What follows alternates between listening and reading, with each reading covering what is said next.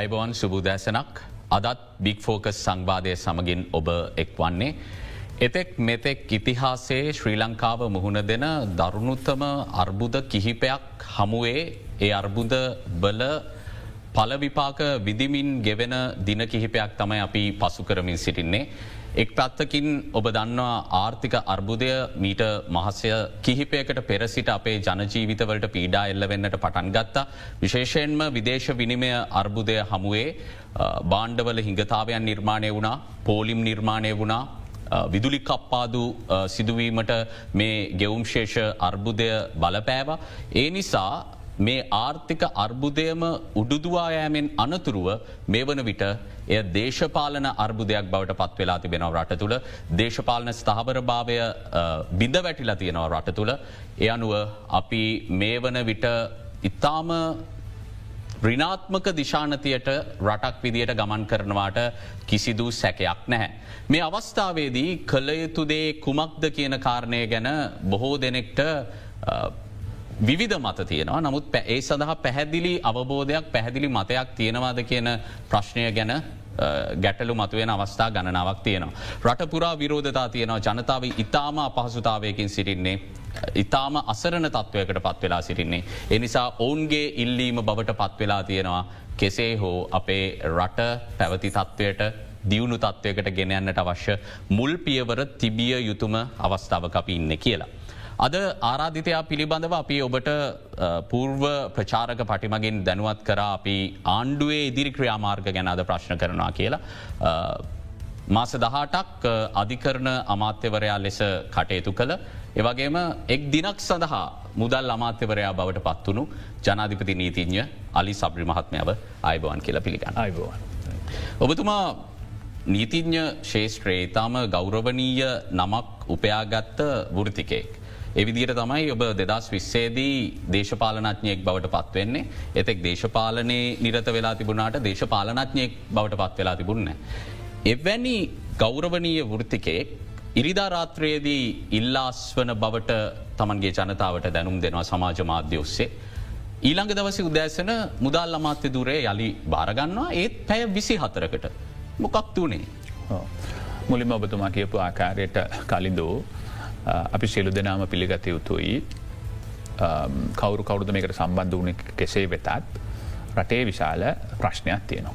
ඒ ප්‍රශ්නය තුළ මිනිස්සු දැඩි වශයෙන් අපහස්ථායට පත්වෙලා තියෙනවා. ඉලෙක්සිටි නෑ ෝට නෑ ඉලෙක්සිටි නෑ ගෑස් නෑ පෙටල් නෑ ඩීසල් නෑ අත්‍යවශ්‍ය අවෂදවල හිගයක් තියෙනවා. මේ සියල්ල පිටු පස විවිධ හේතු තියෙනවා. අපිට වාඩි වෙලා අවුදු ගාන තර්ක කරන්න පුළුව මම්බ කියන්න ඕන අනි පර්තයවර්වා කියන්න ඕන කිය නමුත් භූමියයේ ප්‍රශ්නයක් තියෙනවා. භූමිය ප්‍රශ්නය තියෙන හින්දා මිනිස්සු පාරට බෑල තියෙනවා.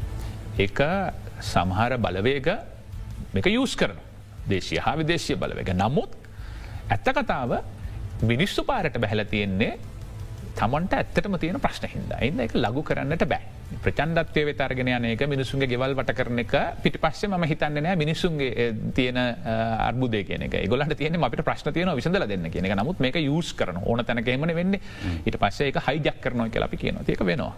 වෙනකොට අපිට මේක සංවේදී වෙන්නට ඕන. තුස්සා කරල බැලුව මේක සංවිධානාත්මක එක්කෙනෙ දෙන්නෙක් කරන එකක්ද තොර සාමාන්‍ය ක්‍රමයට අනුව හදි නීතිය දාල උත්සාහ කරල බල තියෙනවා ම නගේකට ගන සෝෂල් මීඩියක බෑන් කරලතිව එක අපික් ගන අපි ප්‍රකාශ කරයක ඕපනලි නමුත් ඒක අඩියත් දෙක කාපසරගත් අපි කියපින්න. නමුත් ඇත්ත වශයෙන්ම මිනිසුන්ට ප්‍රශ්නයක් තියෙනවා. දැ මේ ප්‍රශ්නයට කොහොමද අපි උත්තර දෙන්න. කොන්ෆ්‍රන්් කරලා හරියන්න නෑ එහින්දා අපි හිතුවා කැබිනට් එකක් වශයෙන් අපි අයින් වෙන. සම්පූර්ණ කැබිනට් එකම අපි සියලු දෙනාම සාමෝහිකෝ තිීන්දුව කරගෙන අයින්දුනා අයින් වෙලා නමුත් ජනාධිපතිවරයා ඒ සඳහා ඉල්ලීමක් කරාද ජනතපැතුම ඉල්ලීමක් කරල තිබුණ. අපි සියලු දෙනාමත් එකට එකඟත් වුණා. එකඟ වෙලා සෙලු දෙනාම පක්ෂයක් හැටියට තීරණ ගත් අප සෙලු දෙනම ඉන් වෙන කියලා කමැතුමත් එක් තිබුණ සාකච්ඡාවකින් පස්සේ. යනු අප අයින්නුන අයින්නුනකොට අපිට නිනකින්වත් මගේ නං අදහසක් තිබුණ නෑ ඉමීඩියට්ලි ආයෙන්න්න නමුත් මම දැනන් හිටිය ප්‍රායෝගිකව ආණ්ඩුවක් නැතුව යන්න බෑ. අන්තර්වාල පාලනයකට එතකොට අපේ බලාපොරොත්තුව තිබුණේ පක්ෂ කීපය සම්බන්ධක අන්තවරල් පාලනයකට යන්න ජනල්පත්තුමයි සඳහා ඉල්ලීම් කර ඒකත් එක්ක අපි ඕනකම තිබුණා අන්තර්වාල පාලනකට යමුයි කියන. අන්තර්වාල පාලනකට යමුයි කියන ඒක උඩ අපි පැත්තකට වුණ. නමුත් ඊළඟ දවස්සේ ප්‍රායෝගිකව ජීවත්වන දෙක තුළ අපිට යමාර දේවල් තියෙනවා දවසක්වත් මේව කරන්න බෑ. මේ ප්‍රමාද කරන්න බෑ. මොකක්දේ ඩිෆෙන්ස එකක් නැතු ඉන්න බෑ රට. අගමතිවරෙක් නැතුව හත තියාගෙන ඉන්න බෑ. විදේශ මතිවරු නැතුව අපිට විදේශත් එක්ක සම්බන්ධ වෙන්ඩ බෑ. අධ්‍යාපනය කඩාකපල් කරන්න දෙන්න බෑ කියන හේතු උඩ මුත් සෞඛ්‍යමතිවරය කිටියන සෞඛ්‍යමති එකතමයි තිගේ පලවෙනි පියවර හැටියට එගොල්ල හතර දෙනෙක්ව සොයාරින් කර. පලවෙනි පියවර හැටියට. ති ඒකෙදී ඇත්ත වශයෙන්ම මගෙත් එහෙම කිසිම බලාපොත්ත ම ඔබතුමාට අද කියන්න කිසිම බලාපොත්ත තිබුණ ෆයිනන්ස් මිනිස්ට හැට බාරගන්න මගේ ශේෂත්‍රයත්නවේ හරිත මගේ ශේෂත්‍රයත්නවේ මගේ කිතුලත් නෑ නමුත්මක ස්ටඩි කරල තියෙනවා. අර්බුදය පිළිබඳව දන්නවා. යම් ප්‍රමාණක් දැන්මත් තිබන නමුත් මක කිසිම සූදානමත් තිබුණනෑ මුත් ඒ වෙලාවේ මේ වෙලා මේක කරන්නට ඕන අයම එකට අපේ කොළුස්සනද ආයුතුයි කියන තැන උඩ ඉඳගෙන චාල පීඩනයක් සහ ඉල්ලීම් ලැබුණා මගේ කැබිනට් සමාජකයන්ගෙන් ජරු ජනාධිපත්තුමාගෙන් විධ පාර්ශවයෙන්. ඇත්තම කියනවනම් ඔය ජනාධිපත්තුමාට උපදෙස්තන ව්‍යාපාරික ප්‍රජාවේ ව්‍යාපාරිකවරු හතර පස් දෙනෙක් පෞද්ගලික හම් වෙලාම ගිල්ලවා මේ වෙලාව හැටියට මේක බාරගන්න කියල සහ. ඔබ දකි නැති සාමානයම සූට අදදාගෙන තම යන්න. මං එතන ගියාම ම ලැස් වෙලා කියත්නෑ මං ටක්වත් නැතුව තමයි ඕස්සක ගත්තයකත් ම එක ගන්නකි නමුත් ඒ වෙලා හැටියට රට ගැන හිතල මම ගත්තා. අරගෙන නමුත් ඔබ දකින්නට ඇති. ඔබ සියලු දෙනම් වගේ අපි සියලු දෙනාම එකක්ෙන එපිළිබඳ විවිධාට දැක්වින් දක්වනවා. ගෙදරත් ජල පීඩනයක්. අපිත් අපි දන්නේ දේශපාලනය කරන්න විල්ල තියෙන අපි තල්ලි හම්බ කරන්න නෙවේ ඔබතුමා කියපවාකාරයට ඉතින් මිනිස්සුගේ ගෙවල්වට කරනවා. අපේ ගෙදරත් සාමාන්‍ය මිනිස්සු. අපි මහල මම පෞද්ගලික දෙකට ගිල්ලත් නිල නිවාශයක නේ ජීවත්තන මගේ හිටපු තැනමතම ම ජීවත්තන්නේ බාන් පාරය ඉන්න දෙයක්. ති හමෝම බය නොනේ ඉතින් ඒ හින්දා සහ මම හිතු ඉතින් ගොල්ල තවදුරටත් යෝජනා කර මේ මගේ මගේ ශේෂත්‍රයක් නොවන කියලා. ති මකිව ශේෂත්‍රය කෙනෙක් එන හොයාගන්න. අපි අයින් වෙන්න පැෑ විසි හතරක් තුළ ඔබතුමා ඉල්ලාස් වෙන්නේ පෞද්ගලක හේතු මත සහ ඒ ඔබේ ශේෂත්‍රය නොවන බවට ඔබතුමා තුළ තින විශ්වාසය නිසාකිවොත් හරිද. නෑ මට ඇත්තටම ඔබතුමා දකින්නට ඇති පොද්දුවේ සමාජය තුළ ලුගුශාල වශයෙන් හඳන් කරන්න පටන්ගත්තන මේක චේත්‍රයෙන් එක්කෙන පත් කරන්න. ශේත්‍රය නෙවෙයි මේ ඔක්කොමත් එක්ක ඒ පීඩාවත් එක්ක අපි අපි හිතුවා ජනධපතුම අහලත් තිබුණා. අපි කාලයක් දෙමු. එකයි මම ලෙට්‍රකේ ලියල තිබුණා. එලියෙන් හරි කවරුවට ගෙනවා නම් මම මගේ මන්ත්‍රී දූරෙන් පවා අස් වෙලා මේක බාර දෙන්න කැමති කියන. ඒ ඒ ඒ ස්ථාවරය තමයි ඒ වෙලාවේ අපි හිටිය. ඉතින් ඒ අනුව තමයි ප්‍රධාන වශයෙන් අපි කල්පනා කර ඇත්තර වශය ම මේ පෞද්ගලික බාර ගැනීමට එම අදහසත් තිබුණෙත් නැති හින්ද ඒ වෙලාවේ මම මගේ ඉල්ලාශීමේ ලිපිය ජනාධිපත්තුමට යොමු කලා. අපි මේ පවතින දේශපාලන අස්ථාවර භාවය පිළිබඳව සහ ඊට තියෙන විසදුම් පිළිබඳව ඔබතුමත් එක සාකච්ඡා කරන්න ඕනේ ජනාධිපති නීතිඥවරයෙක් වන නිසා නමුත් මංකැමති ඊට කලින් ආර්ථික අර්බුදය ගැන කතා කරන්න. අපිට වැඩි කාලවේලාවක් නැහැ මේක විසඳ ගන්න. අපි තාම අවදානම් සහගත තත්ත්වයක අපේ ආර්ථිකය තියෙන්නේ. අපි පොඩ්ඩක් කෝවිඩ් වසංගත පැමිණෙන්ට පෙර කාල සීමාවට ගියොත් මේ ජාත්‍යන්තර මුල්්‍ය අරමුදලේ වාර්තාවත් පැහැදිලිව ඔවුන්ගේ ස්වාධීන නිරීක්ෂණය බවට පත්වෙලා තියෙන්නේ.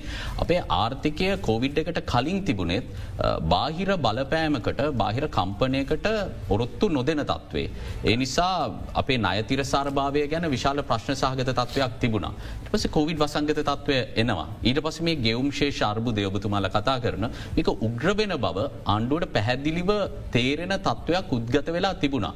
ඒ අවස්ථාවේදී බොහෝ දෙනෙක් ජාත්‍යන්තර මූල්‍ය අරමුදලට යන්න කියලා ආණ්ඩුවට යෝජනා කළත් ආණ්ඩුව පැත්තෙන් අපි දැක් මහබැංක අධිපතිවරයා කියන අපිට හෝම් ග්‍රෝන් රෙසලූෂන් ඇතිනවා කියලා සමහරු කිව්වා මේක දැඩි සත්කාරයකට ගියාට පස්සේ තමයි අයිF යන්න ඕනි කියලා. යනුව මේ පවතින ආර්ථික අර්බුදය ආණ්ඩුවේ ප්‍රමාදය නිසා ඇතිවෙච්ච එකක් නෙමේද. ආණ්ඩුවේ ප්‍රමාධය කෙනෙක මම හිතනවා අපි ආපස්සට හැල්ල බලනකොට අපිට පුළුවන් විවිධ හේතු දක්වන්න. කරුණු කීපයක් ඔබතුමා කියපයක කරදි කියප එක හරියට හරි. අපේ ආර්ථික වර්ධනය දිහා බැලුවම අපි දන්නවා දෙදස් යුද්ධෙන් පස්සේ ක්‍රමිකව දෙදස් දාහතර විතර වෙනකොට අපිට දල වශයෙන් සියට හතක විතර ආර්ථකවර්ධනයක් තිබුණ. සමාර මාසවල නමයට ගියා සමානවලට පහටාව නමුත් දෙදස් දාහතරෙන් පස්සේ පහලවෙන් වගේ එක පල්ල හැට යන්න පටන් ගත්තා.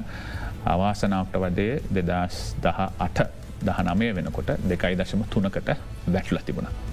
ඒ තුළත් ඔබ දන්නව ඇති දැම් විසා ප්‍රධාන වශයෙන් කියන දෙයක් තියෙනවා.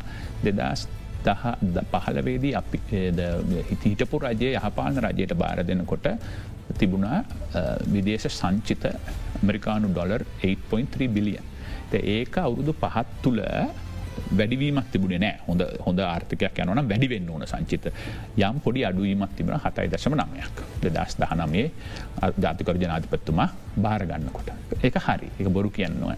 නමුත් ඒ කාලය තුළ දෙදස් දා හත දහට තුළ ඉතාමත්ම ඉක්බනින් අය ටිකක් කරගෙන ශ්‍රී ලංකා ඩිවලපමන් බොන්් කියලා 12.5 බිලියන් එක කියන්න බිලියන දොළහයි දශම පහක මේ බොන්් සරන්තිබුණා ඒ කාලෙ හිටපු රචය. ආර්ථක විද්‍යාඥවරු ඔක්කොම එකතු වෙලා.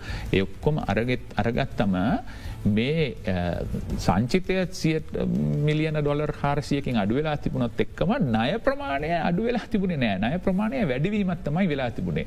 එතකොටත් අයිMFම කියනවා දෙදස් දාහත දහටේදී නිකම් වියදම් කරන්න පටන් ගත්තා. ප්‍රජෙක්් ඔෆිස් දාගෙන අර ම හිතනවා දෙදස් දහට ඉලෙක්ෂන් එකින් පස්සේ පලාත් සභාව පැරදුන පලාත් පාලන චන්දය පැරදුනාට පස්සේ මුදල් අරගෙන තා ඉක්මනින් වියදම් කරන්න පටන් ගත්තා. ඒකත් එක්ක ආර්ථකය ශොක්ක එකට එක්ස්පෝස් වෙලා තමයි තිබුණේ. ඉතින් මම හිතනවා දෙදස් දහනමේ වර්ෂයේදී නමුත් එකත් තියෙන්න්නට ඕන. ඒවනකොට ඒ එවකට රජයේ තිබුණු බදු ප්‍රතිපත්තිය මත හා අයම් එක උඩ බදු ඉහලට නං වෙලා තිබුණා. එක යන්නේ පේටෙක්ස කොහොමට තිබුණ? ඉන්කම් ටක්ක යම් ප්‍රමාණයකට උඩ අරන්තිබුණ වැට්ක සියට දාසයක් වෙලා තිබුණ. යනුව යම් ප්‍රමාණයක කුෂණ එකක් තිබුණ මේ දෙක බේර ගැනීම සඳහා. නමුත් අපි ඒ කාලය අපි හිතුව උත්තේජනයක් අවශ්‍යයි. විශේෂයෙන්ම පාස්කු පහාරයෙන් පස්සේ අට ආර්ථිකය වෙනස්ත වෙලා තියෙන උත්තේජනයක් අවශ්‍යයි කියලා. කවරුත් බලාපොරොත්තු වනේ නෑ කෝවිඩ් එක ඒ කියලා බදු ප්‍රමාණය අඩු කරලා තිබුණා. ඉතින් ඒ ආර්ථික ඒ සම්බන්ධ ආර්ථිකට වගේ කිවත තම වෙන්න ඕන. ොද අපි වාඩි වෙලා තීන්දු තිරන ගන්න නෑ කැබිනට්ට ඇවිල්ල කියන්න මේක කියලා ඉති ඒ තීන්දු තීරන කැබිනට්කට පිස්සෙල්ලන එක එක කැම්පේෙන් එක මේ එකක් අඩු කරනවා කියන එක. නමුත් අයමෙක් කියනවා ඒ අඩු කිරීම අපිට තිබ්බ අවදානම් සහගත භාවය තවත් තීව්‍ර කර හරියට හරි දැ හැබැයි අපි බලාපොත්තුනේ කාලේ බලාපනේ උත්තෝජන උත්තේජනයක් කරලා ආර්ථක වේගේ වර්ධනය කරන්න. නමුත් මාස දෙකකින් ජනාධපත්තුමා බාරයාරගෙන ආව කෝවිද් එක. තුරුම්පුවක් ගැහුව එක වැරදුන. වැරදුනා. ඉතින් ඒ කාලේ ම හිතනවා වෙලාවේදී ආය පසට අකුල ගන්න තිබුණ එකනකම එකක් පෙන්නලා. මුත් ඒක හේතුකොටගෙන අපිට ඒ දෙදස් විස්ස වර්ෂයේදී සියලුම ටක්සස් වලින් බිලියන පන්සිය හැට පහක පමණ ප්‍රමාණයක් රටට අහිමි වුණා. වාර්ෂක ඒ වර්ෂයට විතරයි මම කියන්නේ. ඉතින් ඕක ඒක ෆෝකාස්ටකට අනුව 7 බිලියන් වෙන්න තිබුණු එකක් ඉටිස්සෙල් අවුරුද්ධ පන්සිය හැට පහ කරගත්ත එකක් දෙදස් දහනමය අවුරුද්ධ පාස්කු පහරයත් එක් මාස තුනක විතර නැවතීමත් තිබුණ නමුත් ඒක ඒක ෆෝකාස්ටකට අනුව බිලියන හත්සියක් වෙන්න එකක හස්සියකින් අඩුවන. ඉතින් එතන එතන ශොක් එකක් තියෙනවා. ඒකටත් එක්ක බලාගන්නට ඕන මිනිස්සු නොදකින දෙයක්. මිනිස්සු හිතන්න මේ හයිත් සවන් සම් මිනිස්සු නෙවේ සමහරය මේක පෙන්න්න හදන්න. ගොල දන්නවා. පෙන්න්න හදන්න මේ 7.9 බිලියන් එක මේ අඩුවෙලා තියෙන අපි මේ අරගෙන හොරාකන ඒම ගන්න බෑ. සෙන්ටල් බැංක එක තියෙන මුදල්.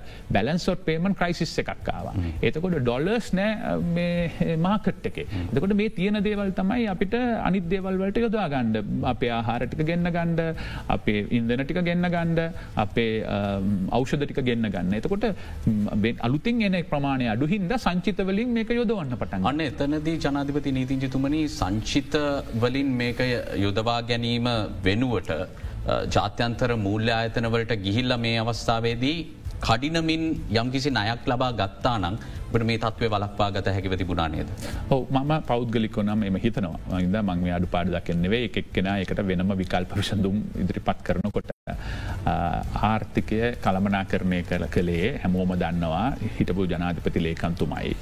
මහා බැංකුවේ හිටපු අධිපත්තුමයි එකන්නේ ලක්ෂ්මන් මහත්මයයි මුලින් මුල් කාලයේදී සහ බණ්ඩාගාරය ලේකම්තුමා ඇතුළු ඒ ටීම් එක. ඊට පස්සේ අපේ ළඟ දිමාස හයකට ඉස්සෙල්ල ඒවන කොටත්ම හිතන ප්‍රමාදයි මුදල් ඇමතුමා බැසිල් රාජ පක්ෂ මහත්මාව ඊට පශ්‍යාව මහබැංකුව අධිපතිවරය හැටියට නිවට කබ්‍රල් මැත්තුමා. තින් ඒගොල්ලො තමයි ආර්ථකය කළමනා කරණය කර මම හිතන්නේ මොන අඩු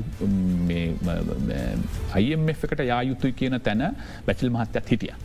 මත් හිටිය. නෑ කියන්න බෑ. පලිවෙන් දවසිදල නමුත් ශාල ප්‍රතිරෝධයක් හිටපු ගවන ගෙනුයි. අනිත් පස්සේ ආපු ගවන ගෙනුයි තිබුණ එකට යායුතු නෑ කිය න්‍යායාත්මක විරෝධයක් තිබුණේ ශාල විරෝධයක් තිබුණ. අපි දිගට මැහුව හෙමනම් මොකක්ද විකල්පය කියන එක. මොකක්ද හෝම් ගෝන් රෙසලූෂන් රෙසල්ලූෂන් එක ඉතින් ඒ හෝම් ගෝම් රෙසලූෂන් එක අරන් බැලුවනං ඒක සාර්ථකුණේ නෑ කියන එක අපි හිතන්නේ. ම හිතන ඔවුන් ඔවුන් උත්සාහ කරන්න ඇති. ස්වප් ගාන්ඩ තින් අපිට නම් තේරුණා ඒ ස්වප් සරගෙන මේක විසඳන්න බෑ කියන එක. ති ඒක උඩ අද වෙනකොට ප්‍රශ්නය යම් තැනකට ගිහිල්ල තියෙනවා. හැබැ එකක් මතක තියාගන්න ඕනේ දෙදස් දහට වර්ෂයේදී ටරිසම්මකින් 4.4 බිලියන් අපිට ලැබුණ එක දෙදස් විසි එක වසරේදී මිලියන දෙසිය දක්වා පල්ල හැට වැටන එතකොට එක දෙදස් විස්ස විසි දෙක විසි එක අවුරුදු දෙකේ සාමාන්‍යෙන් අපිට ලැබියයුතු බිලියන නමය ප්‍රමාණය හෝ බිලියන දහයක ප්‍රමාණය මිලියන පන්සියකට විතර පල්ලහැට වැටුනම එතනම තියෙනවා අඩුවක් බිලියන හතක විතර. ද මේක මේ අපි නිර්මාණය කරපු එකක්ම කියල කියන්න බෑ. ප්‍රස්පොන්සක මීට වඩා වෙනස් වෙන්ඩ ඉඩ තිබුණයි ම යෝජන කරන්න පුළුවන්. දැන්ගය සංචාර්ග කර්මාන්තය කඩා වැටීමත් එක්කම මේ තියෙන අවධානම තවත් වැඩී කියල තේරුම් ගන්න තිබුණ කියලා අන්ඩු ඒක මම හිතනවා ඒකට ඒ තමයි. ඒක විසඳු මේ ස්ට්‍රටජියක ති මට අපිට නං හිතුනේ මම පෞද්ගලිකවත් මං එදිය කතාවත් කියපු විදිට පෞද්ගලිකුවත් අපි කිව්වා අපිට මට පේන විදිට ආර්ථික විද්‍යාඥයෙක් වෙන්ඩ ඕන්නෑන සාමාන්‍ය බුද්ධියත් තියෙන මනුස්සයකට පේෙන් දෙපෑ මේකයි විසඳුම. කරුණු කීපයක් තිබුණ අපිට. අපිට ශාල ප්‍රමාණයක නයගෙවන්න තියෙන. මාසෙක් අවුරුද්ධකට බිලියන පහක් හයක් හතක්. ඒ ඇරුණාම මම පෙන්නන්නම් ඔබතුමාට ගිය අවුරුද්දේ ආනයන හා අපනයනවල පරතරය පරතරය. එතකොට ගිය අවුරුද්දේ අපේ ආනායනය අපනයනාදායම ඩොලර් බිලියන දොළහයි දශම පහයි. ආනායන වියදම විස්සයි දශම හයයි. එතකොට දල වශයෙන් බිලියන අටක පරතරයක්. ඒ පරතරය මුලින්ම පියව ගන්නට ඕන බැලන් සොප්පේමට කනාගන්න. ඒ අරුණාම ලෝන්ස් ගෙවන්නත් තියෙන. කොහෙන්ද මේ ඩොලර් ටික එන්නේ. ඩොලර් එන මාර්ගටක තමයි ෆොරින් රෙමිටන්ස් එකින් කොම දෙන්නේ. දෙදස් විශ්ව වර්ෂය ෆොරින් රෙමිටන්ස් අපිට හම්බවෙලා තියෙනවා 7.2 බිලියන්. දෙදස් විසියක වර්ෂයේදී අපිට හම්බුණේ 5.7 බිලියන් ඒ කියන්නේ බිලියන් එකයි දශම පහක ප්‍රමාණයක් අඩුවන. අඩුවෙන්න හේතුවමකක්ද. අර ඩොලර් වල ලංකාවේ බ්ලක්මාකට් එකේ වටිනාකමයි උන්ඩියල් එකේ වටනාකමයි මෙතන වටිනාකමයි අතර වෙනස එන්න එන්න පුළුල් වෙන්න පටන්. මොකදේ කළුකඩේ නිර්මාණය වෙන්නටත් බලපෑවේ මේක වෙළඳ පොල අනුපාතය තීරණය කරන්නට ඉඩ නොදී කාලයක් මුළුල්ලේ නිශ්චිත විදේශ විනිම අනුපාතය කියලා දෙසිය තුනේ රඳවා තබා ගැනීම කියන චෝදනාව එල්ල ඒක තමයි දැක තමයි දෙක ඒක ක්‍රමක් ක්‍රමය. සරුංගොලයක් වගේ අතරින් ඕනේ. මේ නූලත් එක්කම අතරල දැම්ම. අයම ඇත් කියන්නේ ක්‍රමක්‍රමය ක්‍රම ක්‍රමයන් අයිද එතකොට මට මට මූල්‍ය මන්ලේ සාමාජිකයන් එදා කියලා තිබුණා පබ්ලික් කකවන්් කමිටියකේදී ඔවුන් කිව්වේ දෙසිය තිහට අතාරින්න කියලා. මේ ගැනේ මිලසිය තිය වෙනකං ලිහිල් කරන්නයි කියලා. ෆලෝට් කරන්න කියලා තිබුණ නෑ. නමුත් හවස එනකොට අපි කැබිනට් එකේ ද ඩිස්කසන ඇතිබන කැබිනට් එක ඉවරුණේ නමයා මාරට මුදල් ඇමුත්තුමත් හිටිය කැබිනට් එකේ අපි තීරණය කර රුපියල් හතලියක වැඩි මුදලක් ගෙවන් ඕන කියලා පොරින් රමිටන්ස් ගන්න ගණ්ඩ දෙසියට දෙන එක පොරින් රමිටන්ස් එනවනම් දෙසිය හතලියට දෙනවයි කියලා. ඒ තීරණය කරලා එලියට එනකොට අපිට එනවා SMS අලර්ට් එකක්. එක සම්පූර්ණයෙන් ෆ්ලෝට් කරා කියලා. ඉතින් මම කියන පොඩි ඩිස්කනෙක්් එකක් එතන තිබිල තියෙනවා. මහිතනේ TBSල් එකයි ෆයිනන්ස් මිනිස්ට්‍රේකයි කතා කරලනයක විසඳන්න ඕනේ. කැබිනට් එකට නොදැන. මුදල් ඇමතිතුමාටත් නොදැන. ඒම රුපියල පාකරන්ඩ ගත්ත තීරණය මම මන්දන්න අයිත අවම වශයෙන් කියනවනවා නොසල කිලිමත් දිනවා.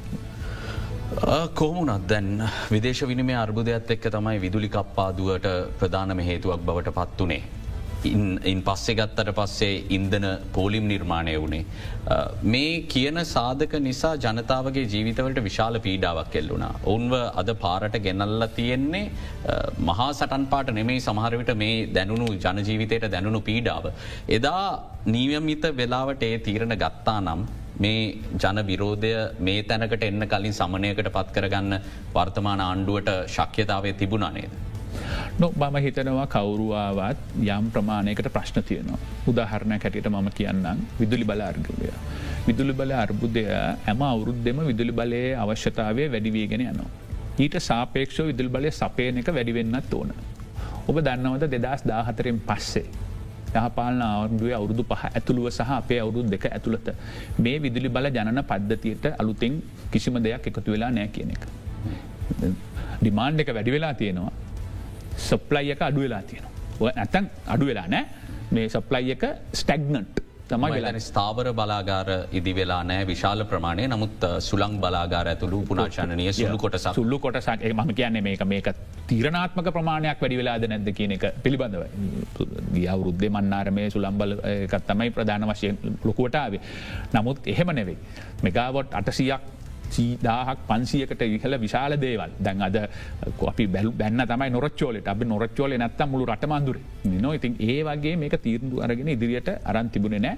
අපේ ආණ්ඩු ඇවිල්ල මේක ඉක්මනට අරගන්න කොට අපි ලද ලෝකපුරාම තියෙන දේ තමයි කවරුවක්කත් කිසිම විදිියකින්වත් කෝල් පව ප්ලාන්ට්වලට උදව් කරන්නේ නෑ. ඇම වෙලාම් කැන රින රිනිවබල් එනජයකට යන්ඩ කියලා. ඒකට නීතියේ හැම තැනම අඩු පාඩු තියෙනවා. එක රෙසිස් කරනවා. ඉංජිනේරු පැත්තෙනුත් ඒක අවශ්‍ය සහයෝගය ලැබෙන්නේ නෑහිද අලුතින් දෙයක් හැදෙනකොට තව ටිකක් කල්යනවා ඒක හේතුකොට ගැන අද තියෙන තත්ත්වය තමයි ලංකාවේ අපි කියමුකෝ ඩොලර් ඔක්කොම තිබිලා. ඩීසල් ටික ඔක්කොමත් හම්බු වෙලා දැවිතැල්තික ඔක්කොමත් හම්බේලා අපේ සම්පූර්ණ කැපෑසිට කරන් කර කියලා එහෙම රන් කරත් මේ තියෙන තත්ත්වය තුළ ජලවිදුලි බලාගාරස්යට පනාකින් කැපෑසිටයකින් ක්‍රියාත්මක නොවනොත් පැෑ තුනක් හතරක් අතර විදුලිය කපන්ඩම සිද්ධ වෙනවා. ඉද මේක මේ එක්කෙනෙකුට ලබ කොරන්න පුළුවන් දෙයක් නෙව ඒකයි ම කියන්නේ මේ අපි ඇගිල්ල දික්කරොත් එදාර අපේ රනිල් වික්‍රමසිංහ මහත්මය කිව්වගේ ඇගිල්ල දික්කරොත් අන්තිමේද කියල නවතින්න විජාව නැත්තන් ලංකායි ප්‍රශ්නය කියලා. අපි එතනින් ඉස්සරහට ඇදදි දැන් ප්‍රධානම ප්‍රශ්නය ජූලිමාසේ ජාත්‍යන්තර ස්වෛරී බැඳුම් කරයක් කල්පිරෙනවා ඩොල බිලියනයක මුදලක් අපිට ගෙවන්න තියෙනවා ඒ සඳහා. අපිට පුළුවන්ද මේ නය ගෙවන්න. ඊට ඉස්සෙල්ලත් තියෙනවා ඉන්ට්‍රස් පේමන්ස් මේ මාසේ අන්තිමටත් තියෙනවා මිලියන දෙසිය විසිතුනක ඇමරිකානු ඩොලර්. ඉතින් මේවා ඩෙගෝෂියේට් කරන්නට ඕන. මුදලක් හැටියට ගෙවීමේ මට පේන විදියට ජූලි මාසේ අපිට තියෙන ඩොලර් සංචිතයත් එක්කාල ගැන එම ගෙවන්න හැකියාවක් නෑ ලොකූ වෙනසක් වෙලා මිටන්ස් ඩබල් වෙලා තූරිසම් එක ඩබල් වෙලා වගේ මහ විශාල කවරු හරි ඇවිල්ල අපිට අපි කතා කරපු සොප්පගේ කවරු හරි ඇවිල්ල බිලියනයක් විතර දුන්නත් මිසක ගෙවීම පිළිබඳ ප්‍රශ්නයක් තියෙන. ඉතින් ඒක හින්දා අපිට වෙන විකල්පුවලට යා යුතුයි. හැබැයි මේ වෙද්දි අපිට ප්‍රමාණවත් කාලයක් තියෙනවද මේ අය ප්‍රතිවියහ ගත කරගන්න? අපිට ආරංචි විදිට එකොලොස් වනිද තමයි අයිම ඇත් එක් මේ සාකච්ඡ ආරම්භ වෙන්න නියමිතව තිබුණේ. දැන් රටට මුදල් ඇමතිවරයෙක් නෑ. මොකක්ද වෙන්න. අනිවාර්යම එක තමයි. දැ ඒහිද තම ඔබ මම දන්න නෑ. ඔබතුමා ඔබ ගිය මගේ ප්‍රකාශය දැක්කද කියලා පාලිමේන්තිය ජනාධිපත්තුමත් එක දිගටම කිව්වා. අපි කියන්නේ මෙතන පුද්ගලයෝ පිළිබඳ ප්‍රශ්නයන් නෙවෙයි මේ රට පිළිබඳ ප්‍රශ්නයක්. ජනාධිපත්තුමා පිළිබඳ ප්‍රශ්නයක්වත්. ආණ්ඩුව පිළිබඳ ප්‍රශ්නයක්වත් නෙවෙයි ඒක ප්‍රශ්නයක්. එක වෙනම බලන්නට දේශපාලන වශයෙන්. නමුත් මේ වෙලා ඔබතුමා කියපු ආකාරයට අපිට විශාල ආර්ථික ප්‍රශ්නයක් තියෙන. මේ ආර්ථික ප්‍රශ්නයෙන් ගොඩ එන්නට ඕන. මේ ආර්ථික ප්‍රශ්නයෙන් ගොඩේම සඳහා කළ හැකි හා කළ යුතු එකම දේ තමයි මේ තියෙන වෙලාවේදී අයම ෆක්කත්තක සාකච්ඡා කරනකට ඒ අයම ෆක් සාකච්ඡා කන ම දූදේ දක් ප්‍රභාශප සිංහ මහත්ම ත පැහදිලිව කියල තිබුණ. අයම එකට බිත්තියකට කතා කරන්නට බෑ. අයම කතා කළ යුත්තේ මුදල් හැමතිවරයකුට කියන එක. ඉද අපි දිගටම එහින්ද තමයි අපි කිව්වේ රයි දැන් මම සුදුසු නෑ කියමකෝ. එන්න සුදුසු එක්කෙනෙක් කෙන් අපි මේක දෙන්න. මං ඒත් කිව්වා රාණ වික්‍රමරත්න වේවා අර්ශලිසිල්ල වේවා කවරු හර සුදුසු එක්කෙන කෙන ම මගේ ලිපියෙත් ලියල දෙබ්බා. පාලිමෙන්තුවෙන් පිටෙක් කෙනෙක් ෙනවනම් පාලිමෙන්තු අසුනනුත් අයින් වෙලා එකක් දෙන්න මොකද මේ රට පිළිබඳ වෙලාවක් මේ තමන් පිළිබ තමුන්ගේ ප්‍රතිරූපය පිළිබඳව වෙලාවක් නෙවෙයි ඒහින්ද රට පිළිබඳ වෙලාවක් ඉද මේ වෙලාවේ මේක බාරගණ්ඩයි කියලා අපි දිගටම ඉල්ල තියෙනවා. මේ වෙන කොටක් එහෙම. කවරුවක් ඉදිරිපත් වන බාරක් නෑ හැමෝම තමන්ගේ ප්‍රතිරූපය තමන්ගේ පක්ෂය ප්‍රතිරූපය පිළිබඳව හිතනවක් මිස්සක රටට මොනාද වෙන්නේ. ඔබතුමා කියපු ආකාරය මේ ඩි් මේක අපි සාකච්ඡා කරේ නැත්තම්. අයම පැකත්තක සම්බන්ධ නූනොත් ඩෙට් මොරටෝරියම් එකක් ආවේ නැත්තම්. මේක සාකච්ඡා කරලා මූල්්‍ය කළමනාකරුවන් පත් කරලා මුදල් ගෙවන එකේ අත්හිටුවීමක් සිදුවනේ නැත්තම්. රට අරාජිකත්වයට යෑම ප්‍රවණතාව තාමත්ම අධිකයි. අපි අපි මෙහෙම කල්පනා කරම. අපිට එකොළොස්වෙන්දට කලින් මේ දේශපාල අර්බුද විසඳගන්න බැරිවෙනවා මුදල් අමාතිවරයෙක් නැති වෙනවා. ඒ හරහා ජාත්‍යන්තර මූල්‍ය අර මුදලට සාකච්ඡා කරන්න බැරි වෙනවා. එහෙමුණොත් අපිට ණය ප්‍රතිවියෝගත කිරීමකට ගේ නැත්තම් අනිවාරයම බිලියනය ගෙවන්න ඕනේ. නැත්තම් අපි බංකොලොත් තත්වයට පත්වෙනවා. අපි බිලියනය ගෙව්වොත් අපේ රටේ ජනතාවට අවශ්‍ය ඉන්දන ටික බෙහෙත්තික ගෙන්න්න ගන්න තියා හිතාගන්නවත් බැරිතත්වයක් යන මේ දත්ත දිහා බැලුවට පස්සේ අනිවර්. එතකොට මේකට කෞද විසඳ මුහන්න මේ මේක මේක දරුණුකම අඩුම ගානේ පාර්ලිමේන්තු ඉන්න මහජන නියෝජිතෙන්ට තේරලාදීනවා. දැ ඔබතුමා ඊය දැක්කද ඔබතුමයි මයි සාමාජිකත්වය දරන නීතික්න සංගමය නිවේදනයක් නිකුත් කරල තිබුණ. නිවේදනයක් නිකුත් කල තා පැහදිලි ස්ථාවරයක් කරන්තින්න. ස්ථාවරය තමයි ඔබතුමා කියන එක. මේක අන්ඩු පක්ෂයට විශාල වක්කීමත් තියෙනවා බයි විපක්ෂයට ඒ හා සමානව තිවන දෙසිය විසිපාටම් වක්කීමත් තියෙන. අපිට පේන්නේ නෑ මේ වගකීම ඉටු කරන ආකාරය. එකතු වෙලා මේක විසඳ ගන්ට. මේකට ක්‍රමවේදයක් දෙන්න ඇත ඔවුන් නොකර නම් කර තිබුණ නෑ ඔවුන් කියල තිබුණ අපි කියන කතා තමයි මේක නොනොත් මේ රට ලෙබනයක් වෙන එක වලක්ව ගන්නට බැරිවෙයි කියන එක තමයි ඔවුන් කියල තිබුණේ එහින්ද අපි වහාම මේක විසඳගත යුතු තියෙන තැන ඉන්නවා. ඉතින් එහින්ද කොහොම හරි එකොළොස්තේද වෙනකොට මේකට යායුතුයි කියන තැනත් හිටිනවා. ඉන් කෝම හරි මේක කරන්න ඕන කරන්න ඕන කියන එකේදී අපිට අපේ ප්‍රතිරූප අපේ පෞද්ගලික අභිමානය අපිට මොකද මේක වෙන්න කියන එක පිළිබඳව යම් සමාර වෙලාට මිනිස්සු නිර්දය ලෙස පහරදේ විවේචනය කරයි නමුත් අපි ආහර්ෂ මහත්තයටත් කිව්වේ විවේචනය කරයි නමුත් පෙන් දැවිල බාරගණ්ඩ කියලා නමු මේ වෙලාවේ ග්‍රීසියන් කියනවා. නේෂනිස් කෝලින් යෝ කෝල්ල ඩියුටිය එක. මේක කියන එක තමයි හැමෝම කියන්නේ. මම හිතනවා අද හෝ හෙට වෙනකොට මේකට විසුදුමක් හොයාගන්න ඕන කියලා. විශේෂම පාර්ලිමේන්තු සැසිවාරයන් නරබද්දී සෑම පාර්ශවයකම තමන් ගැන හිතන තමන්ගේ දේශපාල නර්මුණු ගැන හිතන මේ අර්බුදය ගැන කිසිම තේරුමක් නැහැවගේ කතා කරන බොහෝ දෙනෙක් දකින්නට පුළුවන්. නමුත් අපේ අරමුණ මේ අර්බුදේ දිග පලල ඔබට තේරුම් කරදීම මොකද එය මේ අවස්ථාවේ තේරුම් ගැනීම ඉතාම අවශ්‍යයි. අපි කෙටි විරාමයකට යොම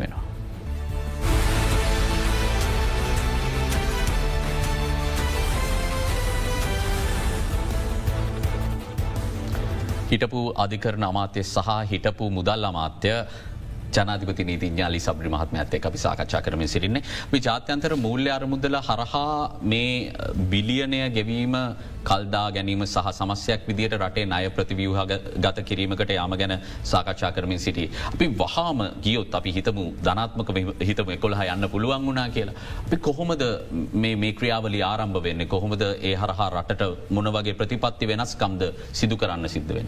අනිවාරයම මුලින් අපි ඒගොලොත් එක එංගේජ් වෙන්නට ඕන එන්ගේ ජුනාට පස්ස අපි කියන ගොල්ලන්ගේ පැකේජ් එකක් බේලව් පැකේජ් එකක් නත ප්‍රෝග්‍රම් එකක් අවශ්‍යයි කියලා. අපි දාසා වතාවක් ඔවුන්නක සම්බන්ධ වෙලා තියෙනවා. ඒකට වඩා වෙනස් මේ සරය යන්න එක මේ සරය යන්න ඊට වඩා හත්පසිම්ම වෙනත් ප්‍රෝග්‍රම් එකක් අවශ්‍ය වෙනවා අපිව මෙතනින් මේ තියෙන ආර්ථික උගුලෙන් බේර ගැනීම සඳහා. මෙච්චරක් කල් අපි කොහෙවත් ගිල්ලා අපේ අය ප්‍රතිවූහ ගත කිරීම සඳහා කටයුතු කරල නෑ. සාමාන්‍ය මේ වගේ එකක් ගියාම උන් කියන්න උන් සාකච්ඡා කිරීම සඳහා ඔබ රට වෙනුවෙන් නීතිඥ කණ්ඩායමකුත් එහා සමානවම ෆයිනන්ශල් ඩවයිසස්ලා මූල්‍ය උපදේශවරුන් කණ්ඩායමකුත් පත් කරන්න කියලා. හිද එක ලෝක ඉන්න හොඳ මයගෙන් තෝරගන්නට ඕන. ලංකාවේ ඕ අප අපිට ඒ කැපැසිටියක ලංකාවයට නෑ. අයිම එකේ භාෂාව තේරුම් ගන්න පුළුවන් වෙන්න ඕනේ. අපිට තියෙනවා භාෂාව තේරුම් ගන්න පුළුවන් වෙන්නට ඕන. ඒ අනුව ණය හිමියනුත් හා සමානම ලෝයස්ල පත් කරන ඔවුන් එක සාකච්ඡා කරන්න පුළුවන් තත්වකට පත්වෙන අපි දන්න ඔබ ඔබ දන්නාකාරයට බුන්වත් භාවය පිළිබඳව වයින්ඩිං අප නඩු කියලා කියන්නේ වයින්ඩෙන්මක් වුණාම කම්පනක ට්‍රන්සක්ෂන් නොකම නවතිනවා. ඒවගේ ඩෙට රිස්ට්‍රක්චරන එකට යන්න වෙන අපි ප්‍රෝග්‍රම් එකට ගියාම මුලින් ඔවුන් කියන දේ තමයි ඔබගේ නීති උපදේශකය පත් කරන්න. ඔබගේ ෆයිනන්ශල් මූල්‍යම උපදේශක පත් කරන්න තින් ඒ සම්බන්ධයෙන් කැබිනට මණ්ඩලේ දැන් සති තුනකට ඉස්සෙල්ල ගරු ජල් පිරි සමතුමාගේ නායකත්වය අරතේ මාවයි හිටපු මුදල් අමාත්‍යංශ ලේකන්තුමාවයි හිටපු මහබැංක අධිපත්තුමාවයි හතර දෙනාම දාලා එක ආරපිය එකත් දාලා කෝල් කරන්න කියල කිව්වා. අපිට හැබයි අන්තිම මොහොත වනකන් එක කරගන්න බැරුණා එම ලොකු සහයෝගයක් හම්බුණේ නෑ අපි හදල දීලා තිබුණ. ඊය වෙනකොට අලුත් ලේකම්බරයා සහ අධිපතිවරයා පත්වනාට පස්සේ තාමත්ම ඉක්මනින් අපි වැඩ කරලා අපි බලාපොරොත්තුවන අද වෙනකොට මේක ඉන්ටර්නැශනලි ඒ සඳහා බිට්ස් කෝල් කරන්න. ඔබ මුදල් අමාත්‍ය දුරේ නොහිටියාට නොනිල වශයෙන් මුදල් අමාත්‍යවරයා විදිර වැඩද.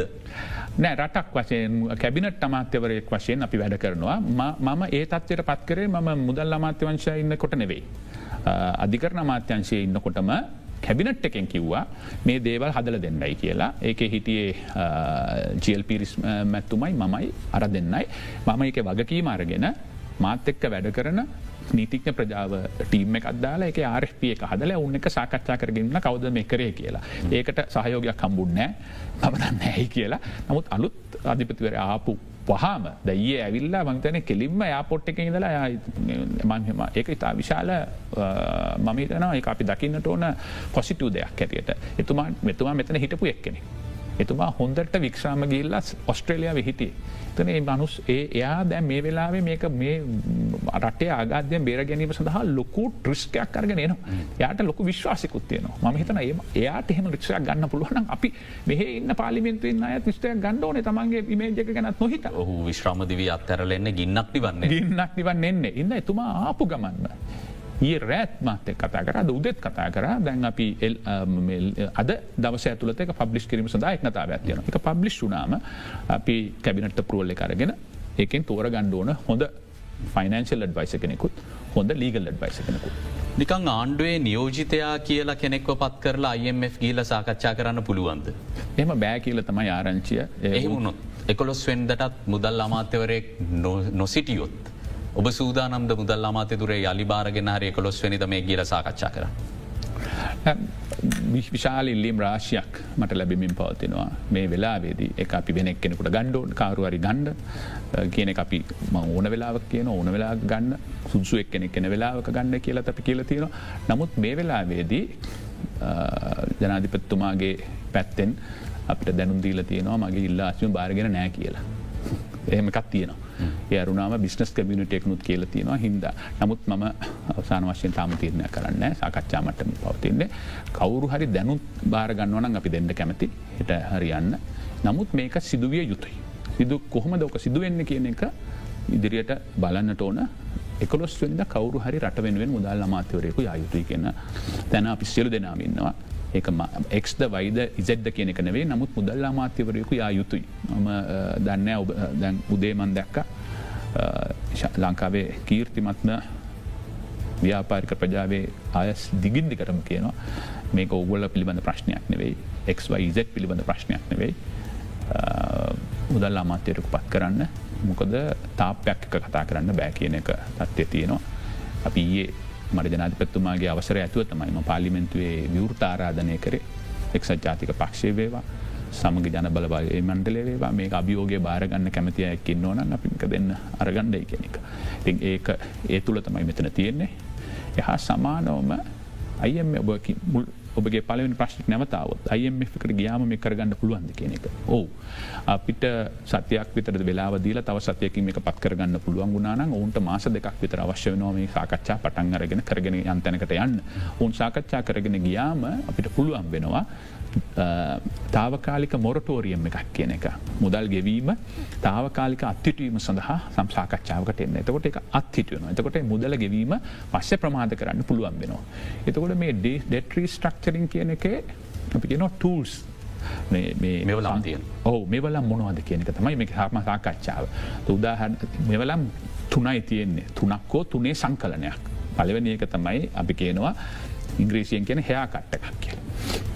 ගෙවන්න ඕන කැපිටල් ප්‍රමාණය අඩු කරගන්න එක. කන මිලියන දහයක් ගෙවන්න ඔන්නන් මිලියන පහකට එකඟ කරවගන්න එක. එක එක. ඕ මිලියන හන්නමයකට අටකට. කෙන ප්‍රධාන කැපිටල් පේමට අඩු කරගන්න. පස ඉන්ට්‍රස් පේමට අඩු කර. ඉට පස්සේ කාලය ඉකුත් කරවගන්න එක. එතකට අද ගෙවන්න ඕනට අවුරුදු අවුරුද්ද දෙක තුනක් හතර පහ කල් කල් යන්නේ කියන එක. එහෙම නැත්තම් මේ තුනේම සංකලනය කැපිටල් එකකුණුත් පොඩ්ඩක් අඩු කරගෙන ගෙවන්න තියෙන කාලයත් පොඩ්ඩක් කරගෙන ඉන්ට්‍රස් ප්‍රමාණයක් අඩු වැඩි කරගන්න එක පිළිබඳව. ඒටික තමයි වෙන්නේ. උදාහරණයක් හැටියට ඉක්වදෝර්වල කම්පූර්ණ කාලය අවුරුදු පහකින් පසර තැල්ලු කර. එකගෙන අපිට මේද වෙලා වෙගවන්නට බෑ. අපි ගෙවීම පටන් ගන්නේ අපේ ඉකොනොමීක රිකව කරලා ඒරිකවරෙන්ට අපිට අවුරුදු පහක්ක වශ්‍යයි එදායින් පස්සේ තමයි ගෙවන්නේ. එතකට අපිට ණය ගෙවන්ඩ අවශ්‍යනෑ අපිට ආර්ථිකයට අවශ්‍ය මුදල්ටික යොදගන්න පුළුවන් ෆෝල්ටි රගන්න පුළුවන් සංචාර කර්මාන්තය දියුණු කරගන්න පුළුවන් ඩොලර්ටික ලාබාගන්න පුළුවන්. එතකොට එකනමියක දියුණු වෙන එතකොට අවශ්‍ය ප්‍රමාණය ඩොලර්ටි න එතකොට අපි ලෑස්ති ගෙවන්න. එක එක්ක දෝරය කරේක එතකොට ඔබ අකි ඇති ආජටිනාව කරප එක. ආජටිනාව දිගින්දිකටම කතා කරලා ඔවුන්ගේ මුදල් ශාල ප්‍රමාණයක් ගිල්ල තිබුණ. එතන පොලිටිකල් ෆෝස් දෙක වෙන සක්තිබුණ අලුත්තිං ආපු අය කිව්වා අපිට ඒක වාග පටික බාරගණඩ බෑ වගේ කතාවක් කිව ති ඒ අනුව සාකච්ඡා කරලා අවසාන වච්චෙන් සාකච්ඡාවේදී එකඟ වෙලා තිබුණා සියට පනස් පහක හයා කට්ටයක් ගන්න එකන බිලියන සියක් ගෙවන්න තියෙනවනම් බිලියන හතලිස් පහක් පමණක් ගෙවන්ද. ඒ වගේ විවිධ මෙවලම් තියනවා. ටූල්ස් තියනවා. ඇති මේක හැබැයි මටයි ලංකාවේ ඉන්න අයටයි කරන්න පුළුවන් දේවල් නෙවෙයි අපිට පුළුව මේ පිළිබඳ අවබෝධයක් ගන්න. නිවැරදි ක්‍රියාමාර්ගයක් පාරදෘශ්‍ය ක්‍රියාමාර්ගයක් අනුගමනය කරලා හොඳම නීති උපදේශකයෝ සහ හොඳම මුල්්‍ය උපදේශකයෝ තෝරාපත් කරගන්න. ඉට පස්සේ ඔවුන්ට මේක බාර දෙනවා මේක කළමනා කරණය කරලා අපිට සුදුසු දෙයක් කරල දෙන්නයි. දැන්න අපේ රටේ කීර්තිමත් ආර්ථික විශේෂඥයෙන් වන ඉන්ද්‍රජිත් කුමාරස්වාමී මහත්මයාගේ ප්‍රධානත්වයෙන් එවගේම ශාන්ත දේවරාජන් වගේ විශේෂඥයෙන් ඇතුළත් කරලා ත්‍රිපුද්ගල කමිටුවක් හදල තියෙන. මේ කමිටුව උපදෙස් දෙන්නේ ඔබතුමාලටද. නැත්තම් ජාත්‍යන්තර ඇත්තක රිජුව ඔය කරන නිගෝෂේෂන් එක කොට සද්ද මේ කමිටුව. මේ වෙලාවේ එතුමන්ලා උපදෙස් දෙන්නේ අතිකරු ජනාධිපත්තුමාට. අතිකර ජනාතිපත්තුමාට අරගෙන ප්‍රතිපත්මේ තීන්දු තීරණ ගන්න එක. ඒතු ඔවුන් දං මාස තුනක ඉඳල වගේ බිස්නස් කමියනිට එකෙක් මැදිහත්වීමක් ඉඳගෙන අපි නොනිල වශයෙන් සාකච්ඡා කර. සතිතුනකට ඉස්සෙල්ල ඔන්න නිල වශයෙන් ඔවුන් එක සම්බන්ධ වුණ. ඔවුන් මේක බරපතලකම කියල දෙන්න පටන් ගත්තා. දැන් සමහර වෙලාවට මම හිතන්නේ ඉතාමත්ම වැදගත්දේ තමයි අපි උද්දච්ච නොවිය යුතුයි. අපි තමයි මේක කෙල්ල පෙමින් පැමිණි විශේෂක්ඥෝ කියලා හිතාගෙන අනිත් කාටත් ඇහුන්කන් දෙන්නතුව ගියොත්තේම විනාසයි. ඉදි ම හිතනවා අපිට පෙනුනේ හමතමයි ගිය කිය ලන්තිමට එක. ඕ මටත් එහෙම හිතෙනවා. කිසිම දැන් මට මතකයි මං අවුරුද්ධකට ඉස්සෙල්ලා. ඒ සම්බන්ධ ඇත් එක්ක කතා කරම අප ඇඟට කඩා පැන්න. අයම ගියොත් ම ඉන්න නෑම් අර ඒවගේ තමයි කතා කර. ඉද ඔක්කොමත් එක්ක අද වෙනකොට අපි දැන අපි කතා කරපු වෙලායි මම කිව්ව අයF නොගයාට කමන්නෑ. විකල්පය කියන්න. විකල්පය අපිට දැනෙන්න්නට ඕන. සාමාන්‍ය මිනිසුට දැනන්නට ඕන බිස්නස් කමිනිට එකට දැනන්නට ඕන බැංකින් කමිනිට එක දැනන්න ඕන රේටිං ඒජන්සිස්වලට දැනන්නට ඕන. එක දැනන්න නත්තා විකල්පයන් නෙවෙයි. ඉති එහෙම දැනුනේ නෑ. එක එකන ප්‍රශ්නය දැ මේ මගේ ඩයිබිටිස් බලන්නකොට ම හොඳට සීනියාරගෙන ඇමදාම හොඳට සීනියාරගෙන රොක්කොම කියලා ඩයිබිටිස් එක මේ ගන්නකොට ඒක රිපෝට්නකොට ම ලැබෝරටයකට බැන්ල වැඩන්නේන මේ හැම සැරේම අපේ ආර්ථකය තවතවත් දුරුවල වෙනකොට රේටිං ඒජන්සිස්සලින් ඇවිල්ල මේකයි කරන් රේටිං කියනකොට රේටිං ඒජන්සිස්වලට විරුද්ධව අපි ප්‍රකාශනයකු අසුභවාදී කිව්ව. දැන්ඩ අයම එකේ මේ හතරවන වගන්තේ අටතේ සිදුකරපු සමාලෝචනයත් මට ඔබතුමාගේ හන ප්‍රශ්න තින මේකේ අපි දාලා තියෙන අපේ නිරීක්ෂණ. මේ ලබාදීපු අයම ස්ටාෆ් එකේ තියෙන අදහසට ප්‍රතිවිරුද්ධයි සමහර සමහර දේවල්. මේ අය ප්‍රතිවියහගත කිරීම කාරණයේදත් අපි අරන්තියන සාවරය අශුභවාදී කියලා. ද මේක අවලංගු වෙනවාද? යනු අපි අයිම කතා කරන්න ඇති. එහෙම එකක් නෑ. එක ඔතෝරිටිස් විය් කියලන ගොල කියන්නේ. ඔතෝරිටිස් විය් කියලකින් අදහස් කරන්නේ බලධාරින්. එකන්න බලධාරීන් කියල කියන්නේ ඒ වෙලාවේදී ආර්ථිකය බාරගෙන හිටපු අය. ඉති ආර්ථිකය බාරගෙන හිටියේ මහ බැංකුව අධිපති තුමයි බාණ්ඩාගාරය ලේකම් තුමයි නොනිල වශයෙන් යනතුරු පිබි ජයසුන්ද මැතිතුමයි. ඉතින් ඔවුන් තමයි ඒ මේ කාල වෙනකොට තුම ඕ එත් කාල වෙනකත් හිටිය. ඉතින් ඒ ඔවුන් දක්කින්න කෝනය තමයි ඔවන් කියල තියෙන්නේ. මම වරදත් දකින්නේ නෑ. නමුත් ඒ දෙක අතර ඔබ දකිනෝ ඔබ කියවල තියෙනවා පුඩි වෙනසක් විශාල වෙන සත්තියනවා කොච්චර ප්‍රමා කොහොමද මේකින් එලියට එන්නේ කොච්චර ප්‍රමාණයකින්ද මේක කරන්නේ මොන විදිහටද මේකින් ගොඩ එන්නේ පිළිබඳව සහ විශේෂයෙන්ම අපි ආර්ථික වර්ධනය පිළිබඳව. ද අද වෙනකොට අයF එක කියන ආර්ථික වර්ධනයට අප යනවයි කියන එක තමයි දැන් අලුතින් තියෙන ADB ෆෝකාස් ටොක්කොමත් එක්කත් එන්නේ. ඉන්න මම හිතනවා අපි තෘත්ෆුල් වෙන්ඩුවන. ඇත්ත මිනිස්සුන්ට කියන්නට. මයිතන් ජනතාවට ඇත්ත නොකියපු නිසා මේ තත්වේ උදාවෙන්නටත් ප්‍රධාන ලෙසේ වහල් වෙන්නට ඇති මට වගේම මේ වන විටත් ඔබතුමා නෙමෙයි ආණ්ඩුව නියෝජනය කර ඇතමුණ අද වන විටත් ඇත්ත කියනවද කියන ප්‍රශ්නයත් මතුවෙන. අපි කෙටි විරාමයකට ඇම විරාමෙන් පසුව යළිත් කතාපාටක.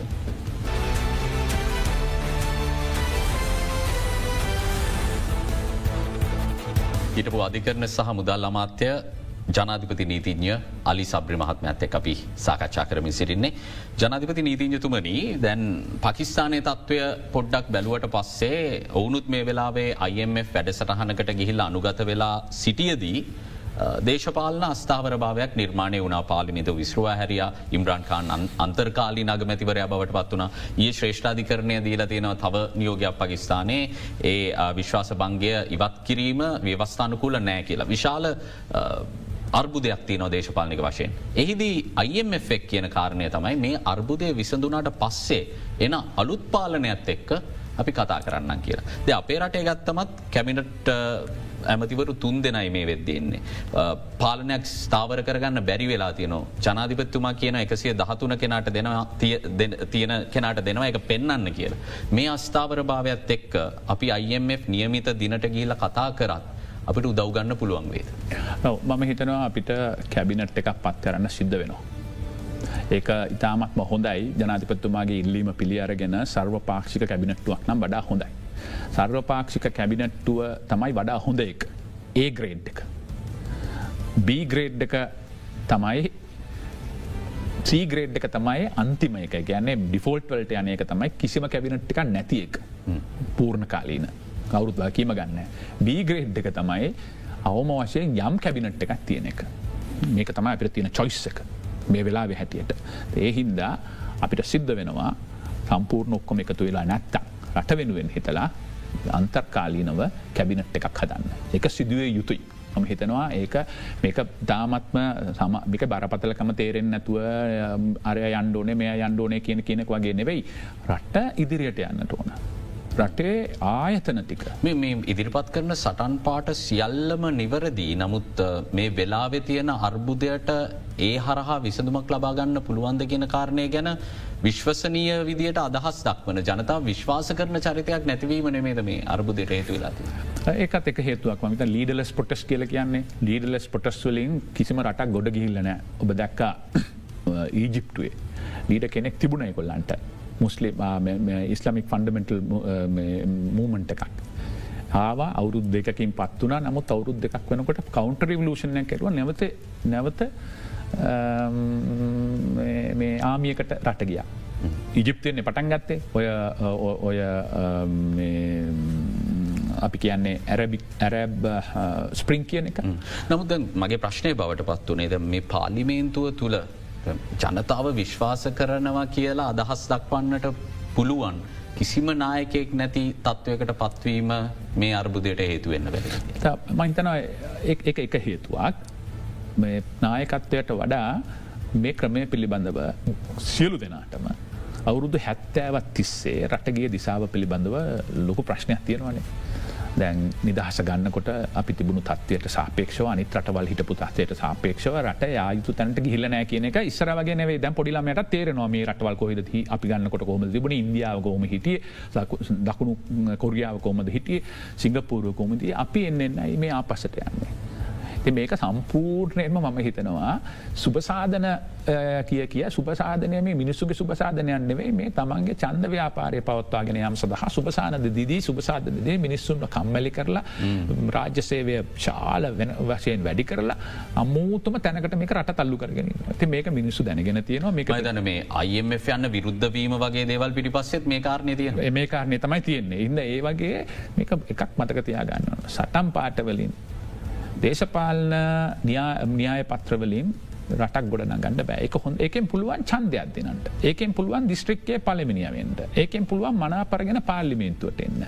ඒකෙන් බෑ රටක් පාලනය කරන්න. තව ඉතාම වැදගත් ප්‍රශ්නය අවසාන කාලසීමාව නිසම ඔබතුමාගේ විමසන්න ඒ හිටපු අගවිනිසුරුවරයෙක් වන සරත්තයෙන් සිල්වා මහත්මයා රටේ ජනතාවට ඉදිරිපත් කරනවා යම් කිසි මතයක්. ඕ කියන කාරණය තමයි දැම් මේ වෙලාවේ ව්‍යවස්ථාමය අර්බුදයක් නිර්මාණය වෙලා තියෙනවා කැබිනට්ටයක් පත් කරන්නට ජනාධිපතිවරයා කටයුතු කරන්න ඉන්න අගමැතිවරයා ඉල්ලාස් වෙන්න. ඒ නිසා සර්වපාක්ෂික අමාත්‍ය මණ්ඩලයක් පිහිටුවන්න පාර්ලිමේන්තුවට බලය තියෙනවා. යෝජනා සම්මතයක් මගින් අගමැතිවරයා පත්කරගෙන ඊට පසු අමාත්‍ය මණ්ඩලයක් පත් කරන්න හැකියාව තියෙනවා කියලා. ඔබතුමා මේ නෛතික මතයත් එක්ක ඉන්නවා දෙහෙම හැකියාවක් තියෙන. මම හිතනවා අපිට පාල්ලිමේන්තිය අද වෙන කොටත් ඇත්තම තත්ත්වය බහුතරය තියෙනවා. ඒ බහුතරය තියෙනකොට ඒ බහුතරය ඉන්න අය තමයි පාර්ලිමේන්තුවේ ප්‍රධාන කොටස කරන්නට ඕන. කොම්ප්‍රමයිස් එකක් හැටියට සියලු දෙනා එකඳ වෙලා මේක කරන්නට ඕන. එහෙම නැත්තන් අපි ඒක එදත් පාර්ලිමේන්තුවය දුත් කිව්වා පාලිමෙන්තුවේ කාට හරි බෞතරය පෙන්න්න කැමති නම් අපිට මේක බදාගෙනින් ඕන්නෑ බෞතරය පෙන්න්නනයට මේක දීලා අපි පැතකට යන්නත් කැමති. නමුත් ඔබතුමා කියපු ආකාරයටම මේ වෙලාවේ කවුරුත් මේ වගකීම ගන්න බාරගන්න කැමති නෑ හැමෝම දන්නවා මේක කවරුවාවත් ඉතාමත්ම පේන්ෆුල් රිෆෝම්ස් එකක් IMF ගියා කියලත් මේ සුරපුරයක් මැවෙන්නේ නෑ ඉතාමත්ම පේන්ෆුල් ඉතාමත්ම මේක දේශපාලනය පැත්තකට දාලා මේක ඊළඟ මැතිවරණය පැත්තකට දාලා තමන්ගේ දේශපාලන අනාගතය පැත්තකට දාලා රට ගැන හිතලා රිෆෝම් කරන්න සිද්ධ වෙනවා. එහෙම නත්තන් අපිට අනාගතයන්නෑ. මොකද ඔබ කියපු ආකාරයට ඔබතුමා දන්නවා අපිට ඒක කියන්නට ඕනෙ නෑ ලැබනනයට වෙච්චදේ ඉන්ස්ටිටියෂන් කඩා වැටුන වුණොත් බැංකු පද්ධතියට හානියක් වුණොත් රුපියල අසීමිති ලෙස අවපාතය වුණොත් විශාල ප්‍රශ්නයක් වෙන. තිම අපි මේ කරන දේවල් වලින් ඔබ පකිස්ථානය අප ප්‍රශ්නය. අයමට කියන්න පුළුවන් අපි සාකච්ඡා කරන්න එන්නේ නෑ මොකද ඔගුලන්ට මජෝරටිය කනෑ කිය නමුත් ලකිලි අපේ ආණ්ඩුවට තාම බහුතරය තිබෙනවා. හොඳ කැබිනට් එකක් පත් කරන්නට. ඉතින් ඒක ඉක්මනට කරගන්නට එමනත් අපිට ප්‍රමාද වෙන්න බෑ. පකිස්ානයට ප්‍රමාද වන්න පුළුවන්ද නැද කියලම එතරම් අධ්‍යයනය කරල නෑ. අපිට ප්‍රමාද වෙන්න නෑ. බෑ. මොකද අපේ පේමන්ස් ජුලයි විශාල පේමට පකිස්ාන මේ වෙද්දි සංචිත තියෙනවා බිලියන දොලහක් ඒක තමයි. ඔවුන්ට මේ අල්ලගෙන ඉන්න පුළුව අපිට මේක අල්ලගෙනින්ම හැකියාවක් නෑ. එන්න අපිට මම හිතනවා මේ වෙලාවෙදී පක්ෂපාට බේදවලින් තොරව වහාම රට ගැන හිතන්න සිද්ධ වෙනවා. යම් යම් පරිත්‍යයාගේ හැමෝටම කරන්න සිද්ධ වෙනවා. සමහර වෙලාවට නමුන්ගේ දේශපාලන අනාගතය සම්පූර්ණයම මේකෙන් අතාරල දාන්න වෙනවා. මොකද හැමෝටම මගේ පාලිමෙන්තු එත්තේ කිව්වා බෙල්ල තියෙන් ඕනේ තැල්ල බඳන්න. රටක් තියෙන් ඕනේ අපිට කරන්න. රට දැන් ලැබනනේ අර්බුදය. මිනිස්සු වෙනස් වෙනවා අගමැතිවරු වෙනස් කරනවා. නමුත් ප්‍රධාන ප්‍රශ්නයට උත්තරයන්න නෑ එන්ඩෙන්ඩ ආගාදයට යන්නේ. එතන කියන ඉන්ස්ටිටියෂන් සා කලප්සින් කියලා. ඉන්ස්ටිටියෂන්ස් කියන මොකක්ද සිවිල් සේවය. අධිකරණය. මිල්ටරි ස්ට්‍රක්චක් හොද මේ ඔක්කොම ආර්ථික මත ප්‍රඳවල් පවති එක තේරුම් ගන්නවා. හොදයි අද අපේ ආරාධිතය බවට පත්වනේ හිටපු අධිකරන අමාත්‍ය සහ හිටපු මුදල් අමාත්‍ය ජනාධිපති නීතිඥාලි සබ්‍රි මහත්මයා. අපි ඔහුගෙන් ප්‍රශ්න කරන්න උත්සාහ කරේ මේ වෙද්දී සියල්ල එක තැනක නතර වෙලා තියෙන ආකාරයක් අපිට නිරීක්ෂණය වෙනවා. නමුත් අපි මේ වෙලාවෙ ඉන්නේ රටක් විදියට නතර වෙලා හුස්මගෙන විවේක ගන්න පුළුවන් අවස්ථාවකද කියන කාරණය ගැන අපි නැවත සිතා බැලිය යුතුයි. අපි සියලුම දෙනාට රට ගැන ආදරයක් තියෙනවා රටේ දියුණුව සම්බන්ධයෙන් පරමාර්ථයක් තියෙනවා. නමුත් පවතින අර්බුදය මතුපිට පෙනෙන අර්බුදය තරං සරලනෑ එය ඉතාම ගැඹුරු සංකීර්ණ අර්බුදයක්. තවත් මාස කිහිපයකින් අපේ රට මේ විදේශ විනිමේ අර්බුදයක්ත් එක්ක මීටත් වඩා දරුණු නර්ග තත්ත්වයකට යනවාද නැද්ද කියන කාරණය සම්බන්ධයෙන් තීරණ ගන්න නම් වහාම මේ අවස්ථාවේ අපි තීරණ ගැනීම කටයුතු කිරීම ආරම්භ කළ යුතුව තිබෙනවා. මහිතන්නේ ඔහුගෙන් අපි ප්‍රශ්න කරන්නට උත්සාහ කරේ මේ වෙද්දී ආණ්ඩුවට තියෙන වැඩ පිළිබලමොකක්ද ආණ්ඩු මොනවගේ පීවර ගනීද මේ ඉදිරි දින කිහිපය කියන කාරණය සම්බන්ධය. ඔබතුමාට නැවතවාරයක් සූතිවන්තයනවා අද අපේ ආරාධනාව පිළිගත්තාට. අපි අදට බික් ෆෝකස් සංවාධයෙන් සමුගෙන යනවා හෙටත් හමුවමු සුපුරුදු වෙලාවට සුපදිනයක්.